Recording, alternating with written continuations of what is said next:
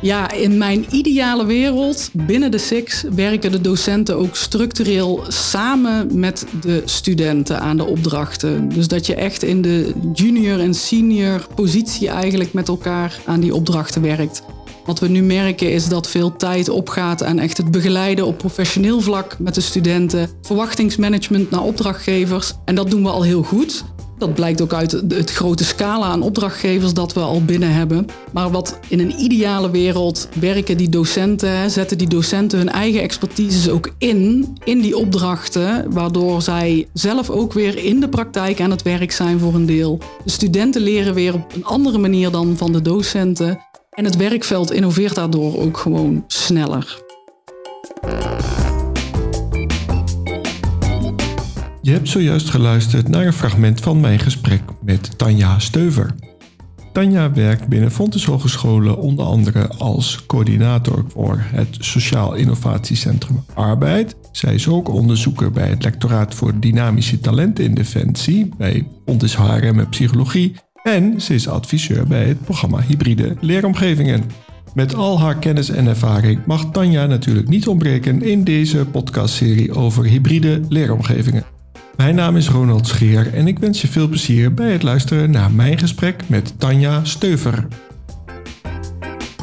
Welkom bij een nieuwe aflevering van de podcastserie over hybride leeromgevingen van Fontis Hogescholen. Vandaag bij mij aan de tafel aangeschoven Tanja Steuver.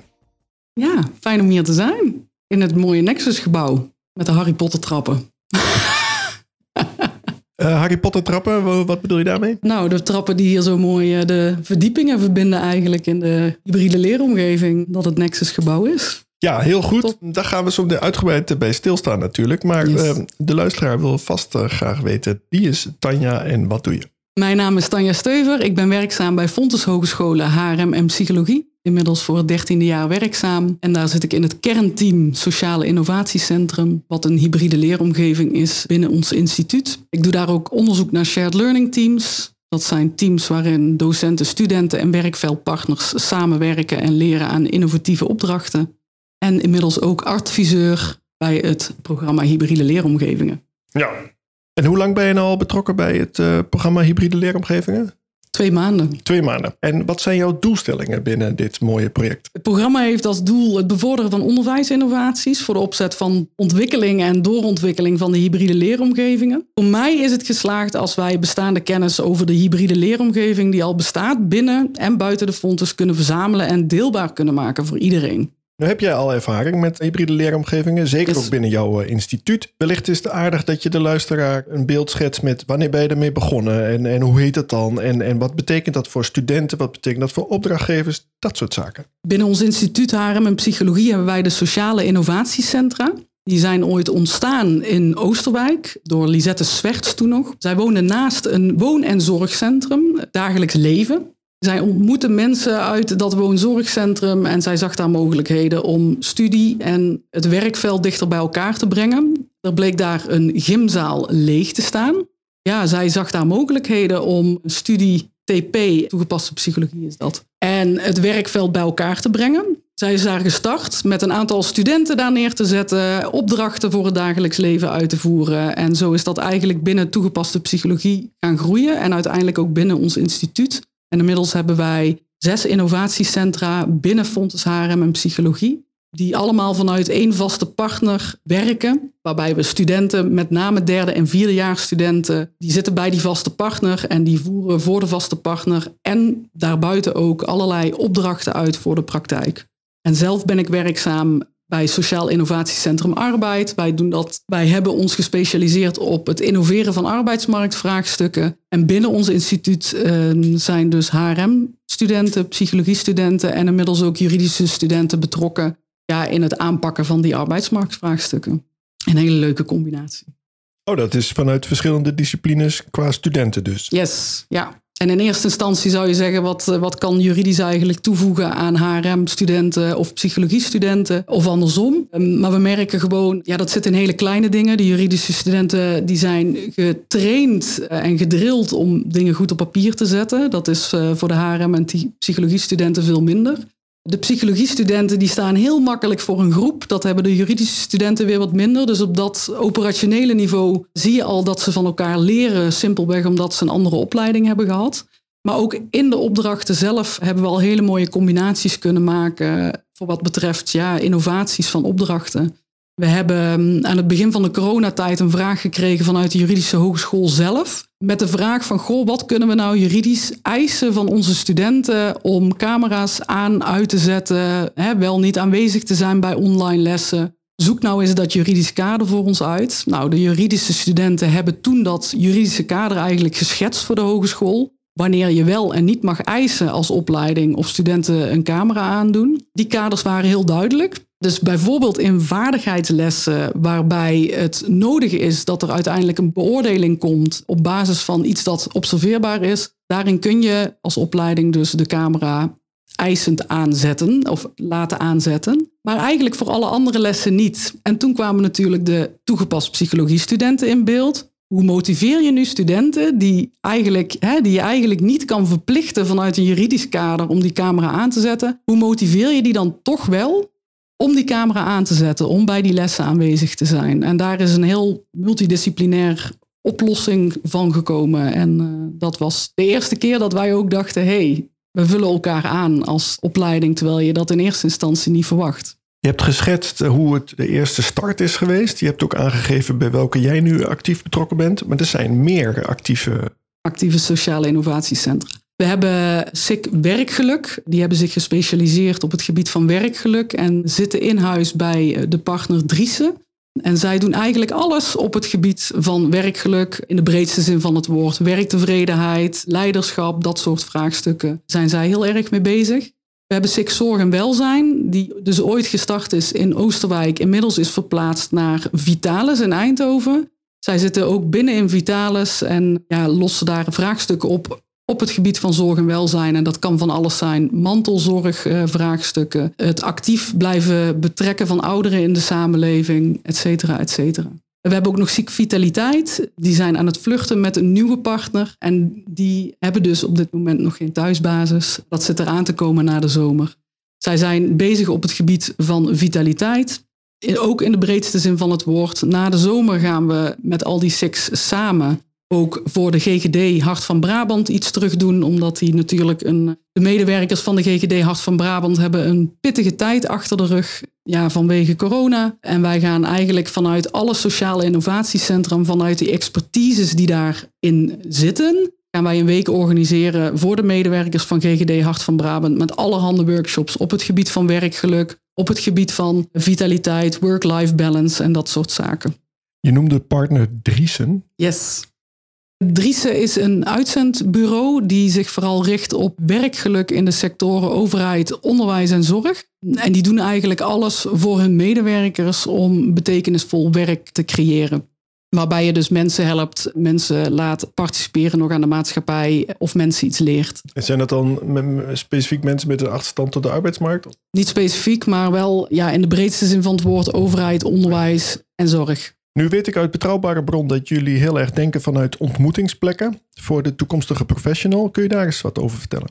Ja, dus bij de sociale innovatiecentra eh, bij HRM en psychologie staat die ontmoeting eigenlijk centraal. Dus we ontmoeten om te professionaliseren, we ontmoeten om samen te werken en we ontmoeten om elkaar daarin te innoveren eigenlijk. En alles ademt eigenlijk de ontmoeting. We sturen studenten echt letterlijk het werkveld in. Ga mensen spreken, ga ze ontmoeten, loop ergens binnen, sluit ergens aan. En vanuit die ontmoeting en vanuit dat gesprek dat je voert met elkaar over bepaalde thematieken, ontstaan opdrachten en ontstaan mogelijkheden. Zo is, hè, zoals gezegd, al het eerste sociale innovatiecentra ooit ontstaan eigenlijk. Hè, Lisette ontmoette letterlijk de bewoners van het dagelijks leven toen. En, en, en zo zijpelt dat eigenlijk door in, in alles wat wij doen binnen het SIC. Alles draait om die ontmoeting.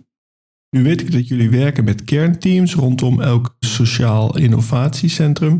Kun je daar eens wat over toelichten? Ja, en binnen ons instituut is er nu echt gekozen om een kernteam, dus echt een team te vormen van mensen die binnen die sociale innovatiecentra werkzaam zijn en die samen als een team die sociale innovatiecentra naar een hoger niveau willen tillen. Een team van docenten? Ja, een team van docenten en docentondersteuners ook. Dus we hebben een verzameling van mensen vanuit ons talentpunt, vanuit praktijkbureau en de docenten die samen een team vormen rondom die sociale innovatiecentra. En dat hebben we nu een jaar en we zijn heel hard bezig met allerlei beleid, ja, instituut breed neer te zetten op het gebied van werving en selectie, op het gebied van docentprofessionalisering, om echt slagen te slaan in die kwaliteit van onze hybride leeromgeving. En dat instituut, dat is dan fysiek gevestigd in gebouw de Witte Dame in Eindhoven? Ja, momenteel wel. Ja. ja. ja. de sociale innovatiecentra zijn niet op Fontes. Dus wij zijn echt off-campus. Wij situeren, elk sociaal innovatiecentrum heeft een vaste partner waarbij we werkzaam zijn. Sociaal Innovatiecentrum Arbeid zit bijvoorbeeld bij Station 88. Dat is een eh, centrum voor ondernemerschap in Tilburg. En ook daar staat die ontmoeting dan centraal. Hè. Je, je zit letterlijk in die organisatie. Je ontmoet mensen letterlijk bij de koffie, bij het koffiezetautomaat. En je gaat dan dat gesprek aan over thematieken. En daar rollen opdrachten uit voor studenten. En dat is ook een van de, de, missies die wij hebben, dat onze studenten ook leren, niet zozeer ondernemerschap, maar een stukje ondernemende houding. Die gesprekken aangaan, die opdrachten binnenhalen, werk maken, werk zien, werk creëren. En dat maakt ze dat ze ook beter zijn voorbereid op dat werkveld later. Station 88 in Tilburg ken ik niet. Kan je beschrijven waar dat dan zit?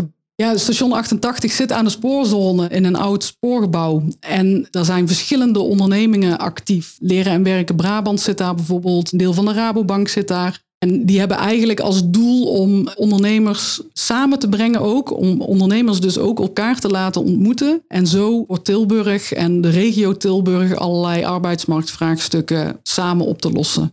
Wat je daar bijvoorbeeld ziet in de regio Tilburg rondom eh, Heusden, is dat er een eh, grote leegloop is van jongeren. Eh, jongeren trekken naar het hele aantrekkelijke Brainport vanuit de regio Tilburg. Maar die zijn ook nodig binnen de MKB-bedrijven die daar gesitueerd zijn. Zo heeft bijvoorbeeld VPT Versteeg is een grote opdrachtgever geweest van SIC Arbeid. En zij hebben ja, echt wel de focus zijn ze gaan leggen op een stukje werving en selectie van met name jonge mensen om zo aantrekkelijk mogelijk ja, werkgever ook te worden voor de jonge mensen in die regio. Kun je eens wat vertellen over de projecten die je vanuit station 88 doet bij bijvoorbeeld FC Eindhoven, FNV en of Avans Ondernemerschap? Bij FC Eindhoven hebben we momenteel een grote opdracht liggen op het gebied van HR en die is eigenlijk heel breed geformuleerd. FC Eindhoven heeft gewoon ondersteuning nodig in het neerzetten van human resource management. En onze HRM-studenten kunnen daar natuurlijk eh, bij uitstek in assisteren. Ja, en de FNV heeft weer een hele andersoortige opdracht eigenlijk bij ons neergelegd. In eerste instantie wat meer gericht op de toegepaste psychologiestudenten. De FNV worstelt eigenlijk met het feit dat zij vooral heel veel 50-plus leden hebben en wat minder de jongere kant. En de vraag is nu eigenlijk van ja, hoe krijgen we nu die jongeren zover dat ze zien wat de toegevoegde waarde is van het FNV. En, en hoe uh, zorgen ervoor dat die organisatie daarin ook gewoon de jonge mensen blijft aantrekken. En daar zijn we nu uh, volop mee bezig. Er is een, uh, een kortstondig onderzoek geweest. er zijn enquêtes afgenomen. Er zijn wat interviews gedaan. Er is een advies uit voortgekomen. En voor komende periode gaat daar een toegepaste psychologiestudent weer mee verder. En zo dragen we die opdrachten elke keer over. Wauw. Ik ben echt zwaar verbaasd over hoe, hoe groot het al, uh, al is. Hoe veel partijen er al bij betrokken zijn. Ja, er zijn enorm veel partijen betrokken. Als ik alleen al zie vanuit het Sociaal Innovatiecentrum Arbeid, maar ook werkgeluk, zorg en welzijn. Daar zijn enorm veel opdrachtgevers bij betrokken. En we doen ook enorm veel wat we nu in ieder geval bij SIC Arbeid voor het laatste semester hebben gedaan. En dat komt binnen een paar weken uit. Is ook al die opdrachten die zijn gebeurd, hebben gebundeld of zijn we nu aan het bundelen in een boek. Om te laten zien van ja, dit is nu wat er eigenlijk in een half jaar SIC arbeid allemaal gebeurt. En dat is echt heel veel en hele mooie dingen. Er zijn vast ook wel verbeterpunten waar je graag aan zou willen werken. Kun je er eens eentje kort noemen?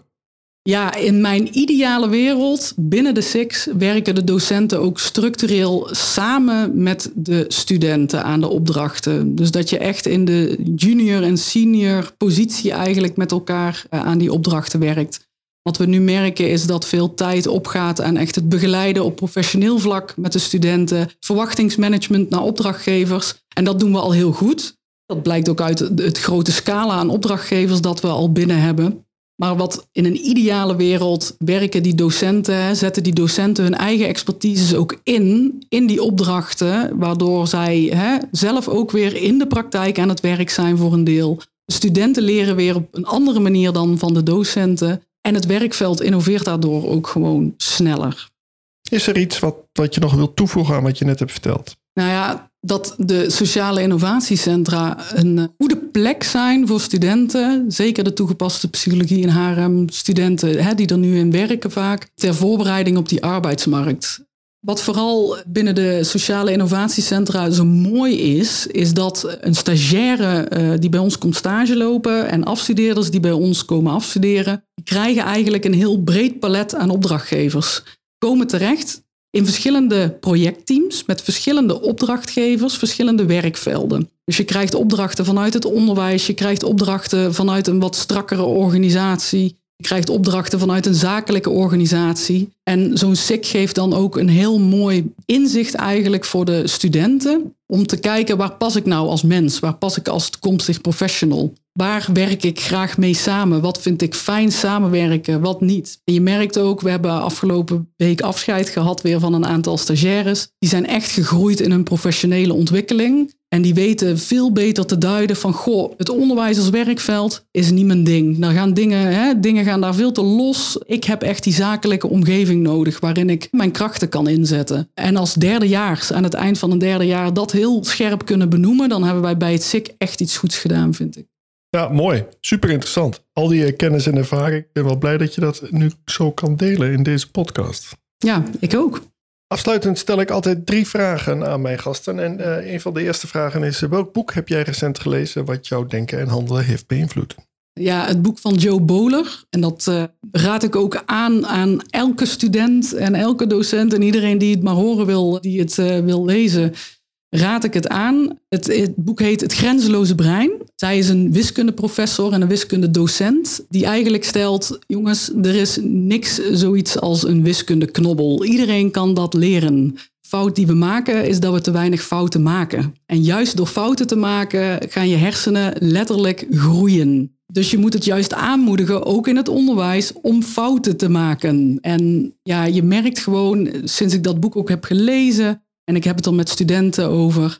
Studenten zijn vaak bang om fouten te maken en daardoor blijven ze inactief, waardoor ze juist niet leren en waardoor ze zich veel minder ontwikkelen. Terwijl op het moment dat ze mogen struikelen en ze mogen eens een keer een ja, dikke vette fout maken, dat maakt juist dat er nieuwe verbindingen echt letterlijk in je hersenen komen en je dus veel meer leert.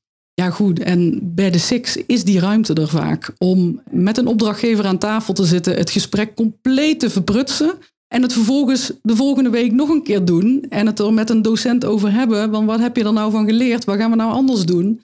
En daardoor echt dat, uh, die groei zien. En ja, ik vind het een fantastisch boek. Iedereen moet dat lezen. Iedereen in het onderwijs moet dat boek gaan lezen. Er is geen wiskundeknobbel, er is geen talenknobbel. Er zijn alleen mensen die stoppen met pogingen doen om iets te leren. Nou, dat is een bevlogen oproep. Andere vraag is, heb jij een podcastserie waar je veel naar luistert? Ja, ik luister heel graag naar de Nerdland podcast. Is een Belgische podcast uh, onder leiding van Lieve Scheieren. Ik zeg het altijd verkeerd. Maar dat is eigenlijk een, een wetenschaps- en technologie-podcast. Waarin alles wordt besproken. Elon Musk, microfoons, alles op het gebied van wetenschap wat er nieuw is, wordt uh, in die podcast besproken. En dat zijn basically eigenlijk gewoon vijf gezellige mannen en vrouwen, wetenschappers die bij elkaar gezellig zitten te doen, maar ondertussen heel veel nieuws de wereld inbrengen, wat ja, via nu.nl niet naar voren komt zo makkelijk. Ja, die vind ik wel heel mooi. En mijn afsluitende vraag is altijd, in deze podcastserie over hybride leeromgevingen, naar wie zou jij graag eens willen luisteren? Dat zijn er eigenlijk twee. Ik vind uh, Anje Ros een, uh, een, fantastische, inspirerende dame. Zij is lector in de Fonds Hogeschool Kind en Educatie. Doet ook veel onderzoek op het gebied van innovatieve teams. Dus ook teams die samenwerken, hè, docenten, studenten en werkveldpartners die samenwerken aan innovaties binnen het onderwijs. Die zou ik heel graag willen horen. Maar ook Miranda Snoeren, de nieuwe lector professionele werkplaatsen. Daar zit zoveel kennis in, dat mag veel meer naar buiten gebracht worden, wat mij betreft. Ja, wat jij niet weet, en het staat ook nog niet live, maar het gesprek met Miranda is al opgenomen. Ah, serieus? Ja, en daarmee zijn we aan het einde gekomen van uh, mijn gesprek met Tanja Steuver. Dank je wel, Tanja. Heel graag gedaan. Wat is jouw eerste reactie? Het is uh, nieuw voor mij. Het was wel even wennen, want het was de eerste keer dat ik een, voor een microfoon heb gestaan. Maar met mijn foute mindset weet ik dat de volgende keer al een stuk beter zal gaan. Yes, nou dat lijkt mij een mooie afsluiter om dit gesprek mee te beëindigen. Voor de luisteraar, super bedankt voor het luisteren. Uh, vergeet je niet te abonneren op deze podcastserie, want binnenkort staat er weer een nieuwe aflevering voor je klaar.